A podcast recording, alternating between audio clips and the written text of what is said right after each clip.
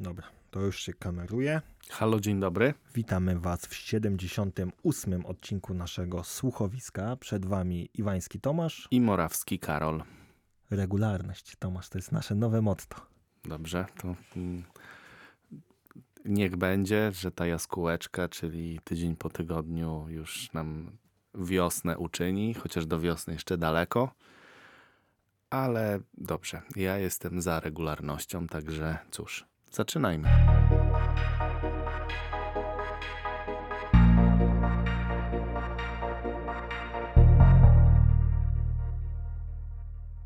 Może ja zacznę, Bardzo bo proszę. mam dwa tematy połączone. To jest historia w dwóch aktach, których można się było spodziewać. Tydzień temu firma Nothing, czyli taki producent telefonów komórkowych na Androidzie, który ma dwa urządzenia, ma kilka pary słuchawek, poinformowała, że wypuszcza na urządzenia Nothing aplikację Nothing Chats, która obsługuje, uwaga, iMessage. Fajnie, nie? iMessage, kurna, koniec rozróżnienia, zielony, niebieski bąbelek, kurde, no wydawać by się mogło super pogodzenie świata, koniec III wojny światowej, widmo jej odroczenia, w ogóle super, wszyscy będziemy żyli w krainie mlekiem i miodem płynącej. Ale zapytasz się, Tomasz, jak oni to zrobili? Jak oni to zrobili? Otóż już ci mówię. Jest taka aplikacja, firma Sunbird, która jest nieoficjalnym klientem iMessage i jest dostępna, była, uprzedzając fakty, e, w Google Play Store.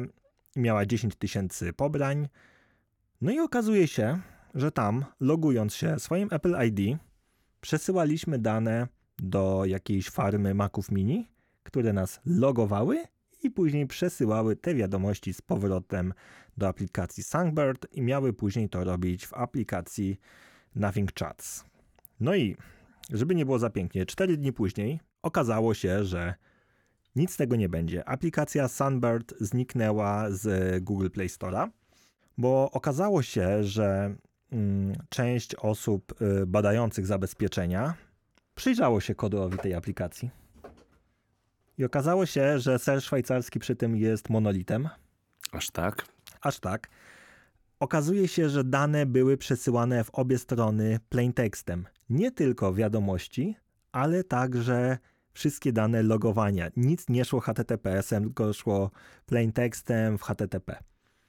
No i okazało się no po prostu, że ktoś tu kogoś zrobił w bambuko, delikatnie mówiąc. Mam tutaj na myśli Sunbird zrobił w bambuko nothing.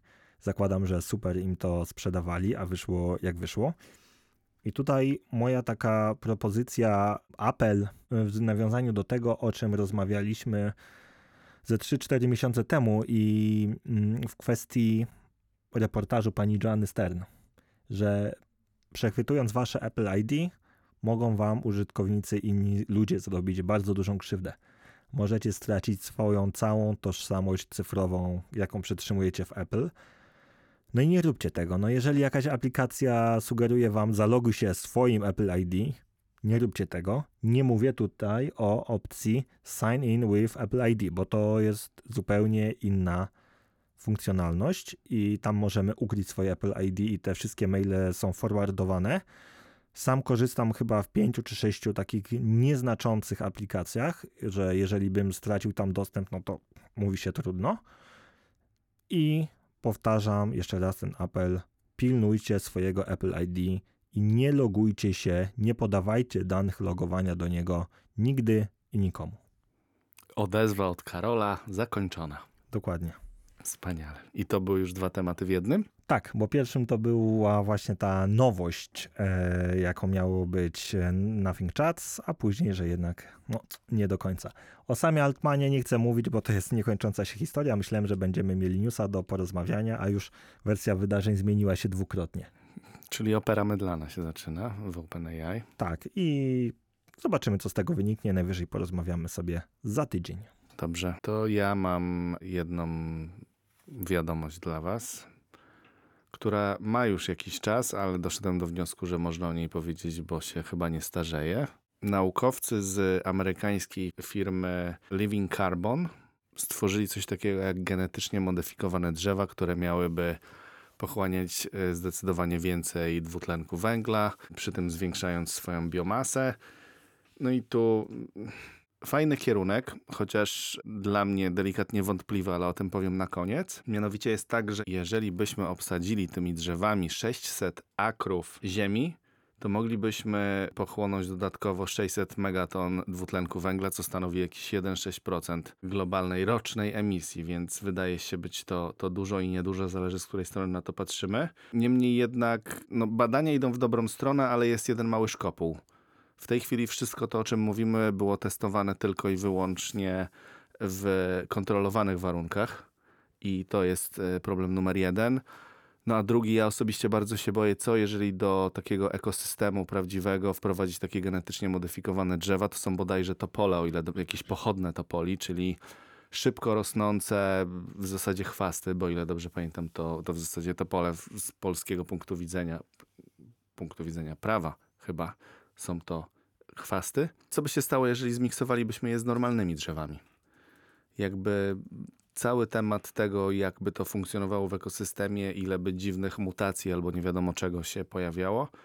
Trochę to dziwne, zatem kierunek dobry, ale czy na pewno? Bo ja nie jestem do końca przekonany, czy w taki sposób, genetycznie modyfikując organizmy żywe, chcielibyśmy osiągać jednak cel minimalizacji emisji dwutlenku węgla do atmosfery. Zakładam, że na tym etapie, gdzie możemy pomyśleć o zmniejszeniu tej emisji, wyjdzie to nam zdecydowanie bardziej na dobre niż myśleniu o tym, jak niwelować później już wyemitowany dwutlenek węgla do atmosfery przy pomocy tego typu dziwnych rozwiązań. O drzewach GMO jeszcze nie słyszałem, więc to jest naprawdę ciekawa sytuacja. No ale rzeczywiście, jeżeli one są uznawane za jakieś gatunki takie agresywne, no to żeby się nie okazało, że po prostu zaczniemy żyć w miejscu, gdzie tylko topole rosną. Dobrze, że to nie brzozy, bo jeszcze w ogóle byłby taki jeden, co z piłą biega i by je pewnie wycinał. Ja uważam, że każdy sposób na ograniczenie emisji, znaczy emisji, y, żeby zwiększyć pochłanianie CO2 jest dobry, no tylko, że tak jak mówisz, trzeba to robić z głową, żeby po prostu się nie przejechać na dobrych chęciach, bo wiadomo, czym jest wybrukowane, znaczy co jest wybrukowane dobrymi chę- chęciami. No i dobrze, zostając w tematyce, mm, dość nowa wiadomość, mam wrażenie. A mianowicie InPost i prezes Rafał Brzuska, który obiecuje, że w nadchodzącym tygodniu będzie nowa aplikacja InPostu, która to będzie wskazywać nam ślad węglowy dla każdej przesyłki, którą zamawiamy. Widziałem ostatnio reklamę InPostu właśnie o tym, że chcą być net zero. Siedziałem w kinie i tak patrzę, no co to za reklama, co, co, co, co, co to się dzieje. I w ogóle na samym końcu była informacja, że to jest InPost. No ciekawe, ciekawe jak to będzie. Jestem e, ciekaw, bo ja zamawiam przede wszystkim InPostem rzeczy do paczkomatu. Chociaż ostatnio otworzyli u mnie niedaleko Orlen paczkę i pierwsze co zrobili po postawieniu otworzyło się 3 czwarte skrytek. Więc no dobrze, że były puste, albo już były puste. W ogóle postawili ją, tą, ten automat paczkowy za śmietnikiem. Więc no życzę powodzenia ludziom, którzy będą go szukać z ulicy. Ale no w każdym razie on, Orlen też próbuje się tam dobić do tego, do tego fragmentu rynku. I czekam, na pewno zre, zrecenzujemy. Tak, no bo liczyć. ciekawą informacją jest to, iż e, jak twierdzi sam pan Rafał Brzuska, został stworzony e, system audytowania, który precyzyjnie e, liczy ślad węglowy. Mowa jest o tym, że będzie cały czas pod spodem działał algorytm, który na bieżąco będzie aktualizował licz- liczbę paczkomatów, dodawanych aut elektrycznych czy innych aut, które będą po prostu funkcjonowały w całym tym ekosystemie impostu. Bardzo mnie to ciekawi. Mam nadzieję, że zdecydowanie więcej informacji na ten temat, jak to tak naprawdę jest liczone, będzie dostępnych szerzej. I nie mówię tego wcale z przekąsem, żeby od razu udowadniać jakąkolwiek niekompetencję impostu, bo w to wierzę, nie wierzę, jestem na razie bardzo obiektywny i, i, i nie dzielę skóry na niedźwiedziu, ale fajnie by było, żeby ktoś też skorzystał z tego i osobiście mnie marzy się bardzo to, żeby dla wielu osób to będzie tylko i wyłącznie, nie wiem, paseczek, nie wiem, liczba, czy kropeczka, czy nie wiem, co tam innego będzie y, jako symbolika tego śladu węglowego, ale dla wielu osób może rzeczywiście podziała to na wyobraźnię, bo widząc jak dzisiaj ludzie a zbliżamy się do święta konsumpcjonizmu, które nie dalej jak jutro, po prostu na potęgę zamawiają absolutnie wszystko, nie myśląc absolutnie o tym, jaki to ma wpływ na nas wszystkich. No a później wszyscy chcieliby, żeby w zimę była zima. No i to. Na razie to jest zima, jest ślisko, jest mokro, no i nawet śniegu trochę leży. No tak, ale październik y, był najcieplejszym miesiącem w historii, jeżeli chodzi o pomiary. Prawdopodobnie 23 rok też takim będzie. Ja ostatnio słyszałem opinię wysoko postawionego urzędnika szwajcarskiego, który powiedział, że przez ostatnie dwa lata stopniało 10% całej masy lodowców szwajcarskich, czyli tyle co przez ostatnie 10 lat bodajże, więc, więc tempo wzrasta i z całym szacunkiem ja też się do tego przyczyniam. Nie jestem niewinny, ale mamy to bardzo głęboko w nosie i nic sobie z tego nie robimy. Cały czas wszystko trwa w najlepsze. No, trzeba zacząć nawet od takich małych kroków, jakie my możemy wykonywać, a później i tak przeczytasz, że jak pewna osoba słyszy o globalnym ociepleniu i marznie zimą, to go szlak trafi. No dobrze, to, to, to temat kolejny i ja na koniec obiecałem wam garść pewnych statystyk. Mówię o nowelizacji prawa energetycznego i wyciągnąłem sobie z prezentacji screen, który w sumie nie wiem na jakich zasadach i czy możemy udostępnić. No ale on jest bardzo ciekawy, mianowicie mówimy o tych warunkach przyłączeniowych, bo tyle o tym rozmawialiśmy, jakie to są problemy i nareszcie URE opublikowało precyzyjne cyfry wynikające z tego.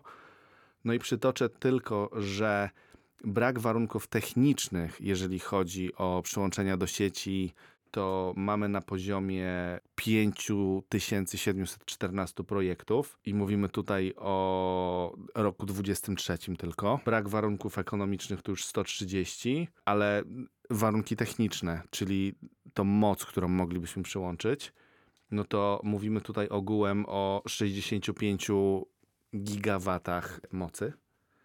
No i teraz pojawia się tutaj właśnie kolejny case, który zaczyna ostatnio na polskim rynku funkcjonować, czyli ceny ujemne, więc mm, naprawdę robi się bardzo ciekawa sytuacja na, na rynku energetycznym i coraz to więcej podmiotów, które komercyjnie podchodzą do tematu wytwarzania energii z odnawialnych źródeł, mają coraz większe problemy, nie powiem z płynnością finansową, ale chociażby z prognozą przychodu, bo coś takiego jak ujemne ceny w weekendy szczególnie zaczyna się pojawiać.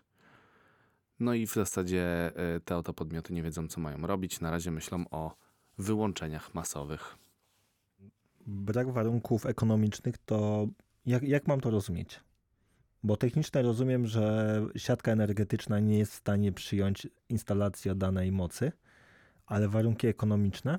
No, pytanie brzmi, czy na przykład dana jednostka terenowa polskich sieci elektroenergetycznych, czy jakiegoś operatora systemu dystrybucyjnego w ogóle miała budżet na modernizację, nie wiem, stacji transformatorowej. Ja, ja, ja w taki sposób to rozumiem. Oczywiście to jest moja interpretacja, która w jakimś tam sensie wydaje mi się, że wpisuje się w to.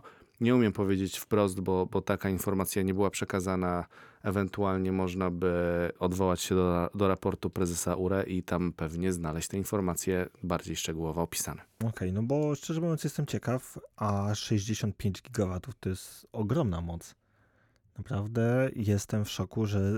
Czy inaczej, rozumiem, że tyle energii nie jesteśmy w stanie obecnie wprowadzić do siatki.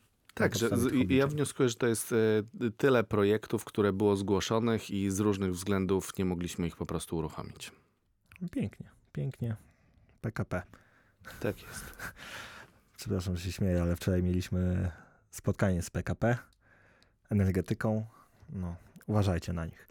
Ja mam za to pozytywny news, mianowicie znowu Apple. E, tym razem bardzo pozytywnie zaskoczyło i poinformowało, że do końca przyszłego roku zacznie w końcu wspierać RCS, czyli Rich Communication Services, które są międzynarodowym standardem i obecnie były kompletnie olewane przez Apple. Google bardzo mocno zabiegał, żeby Apple w końcu to wprowadził bo jest to przeskok po prostu ponad standardowymi SMS-ami, bo RCS potrafi wykorzystywać mobilną transmisję danych lub Wi-Fi do wysyłania informacji, a także wysokiej jakości zdjęcia przesyła, filmy. Mamy możliwość potwierdzenia przesyłania, wskaźniki pisania, czyli praktycznie to samo, co mamy w iMessage, tylko że będzie to multiplatformowe. Jednak w tej e, beczce miodu jest łyżka gdziegciu, Apple zdecydowało się jedynie na ten podstawowy standard. Ja nie pamiętam teraz jego nazwy ani oznaczenia, który niestety jest nieszyfrowany. Google wprowadził e, dodatkowy add-in, który pozwala na jego szyfrowanie w obrębie Androida. No miejmy nadzieję, że za 3-4 wersje systemu Apple także to wprowadzi i będziemy mieli standardowe, szyfrowane SMS-y. Tutaj mówię o bardzo dużym uproszczeniu z użytkownikami Androida i może właśnie zakończy się ta wielka wojna zielony, niebieski bąbelek. Miałem tutaj taki niewybredny żart, ale chyba sobie go pominę, bo wyszedłem na większego hama niż jestem, więc... No to co? Trzymamy kciuki, żeby RCS zaczęło działać jak najszybciej i, i jak najlepiej. Boję się tylko jednej rzeczy, że to będzie jako standard albo dodatek iOS 18, którego nie dostanie część urządzeń. Tego nie wiem, ale Ale czuję, że to tak Apple może zrobić. To co? Polecajeczki. tak. Ja mam trzy polecajki filmowe, dwie kinowe i jedną Netflixową. Chyba zacznę od tej mm, najstarszej, którą widziałem względem tych trzech. Mianowicie byłem jakiś czas temu na chłopach. Bardzo ciekawił mnie sposób stworzenia tej animacji, no bo to wygląda. Animacji, chyba, chyba tak mogę powiedzieć, bo sytuacja wygląda tak, że początkowo na plan trafili aktorzy i powstał standardowy film. I następnie ponad setka malarzy w czterech studiach w Polsce, na Litwie, Ukrainie i Serbii malowało na podstawie zdjęć olejne obrazy, a te z kolei były zmieniane na klatki w filmie, nad którym pracował zespół animatorów, dlatego uznałem, że można to nazwać animacją. Szczerze mówiąc, ja przez pierwsze 5-10 minut miałem problem z oglądaniem, bo miałem wrażenie, że oglądam film, nie wiem, w 15-20 klatkach i dopiero jak się wzrok przyzwyczaił, no to mogłem to oglądać, że tak powiem, z przyjemnością, ale naprawdę początkowo miałem, nie wiem, zawroty głowy, jak choroba lokomocyjna. No, nigdy mi się coś takiego nie zdarzyło, oglądając film nawet w standardowych 30 FPS-ach. No, ale bardzo też e, zobaczyć ten film. Zakładam, że on będzie pewnie na VOD dostępny jakimś, albo w jakimś streamingu niedługo.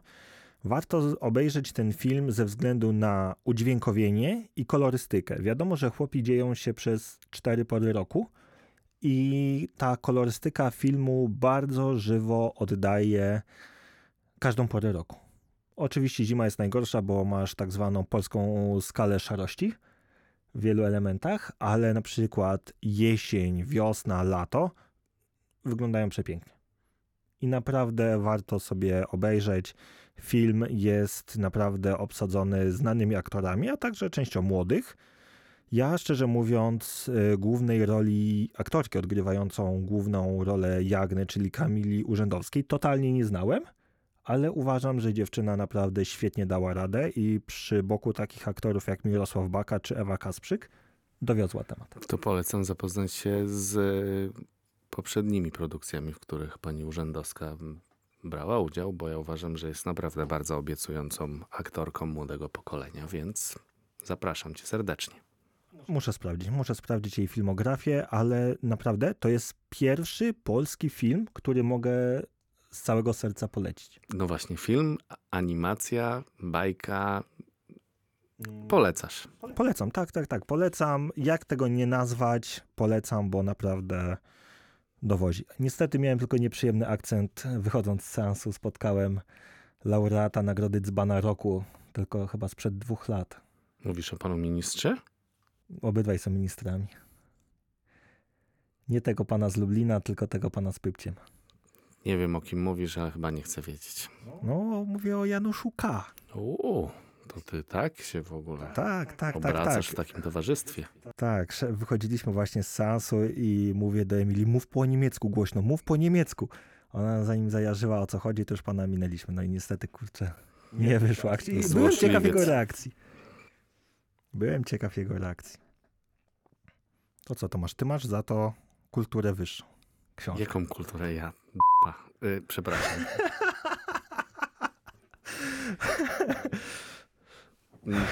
Tam, tam będzie pi i.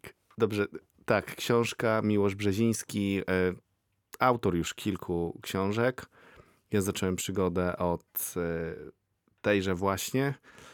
No cóż, polecam bardzo serdecznie a propos kwestii organizacji, ale tego, żeby mm, pomyśleć sobie, jak poukładać sobie życie i pewnymi kwestiami się pogodzić. To bardzo górnolotnie brzmi. Ja strasznie nie lubię książek coachingowych co do zasady, chociaż ta taką nie jest.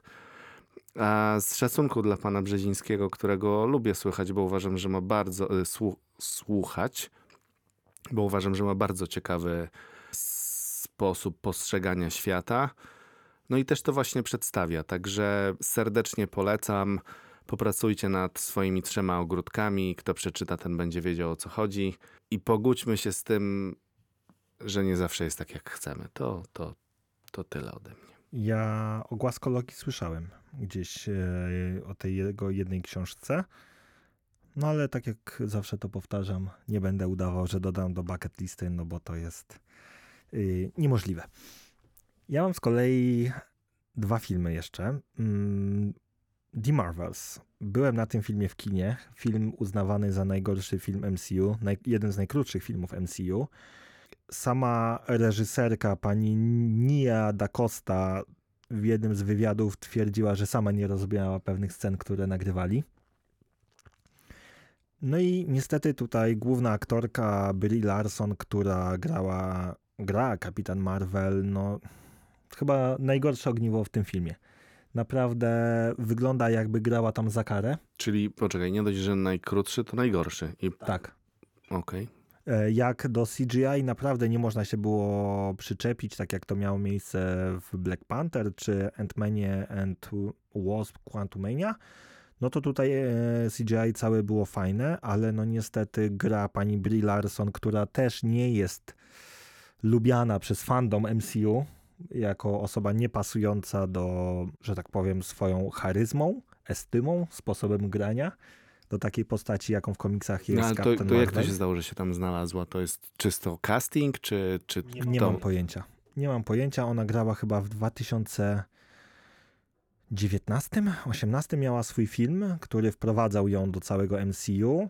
Tam już nie zebrała pochlebnych opinii. No i poza tym podobno bardzo duże zwady miała z panem Samuelem L. Jacksonem, z którym grała w jednym i w drugim filmie.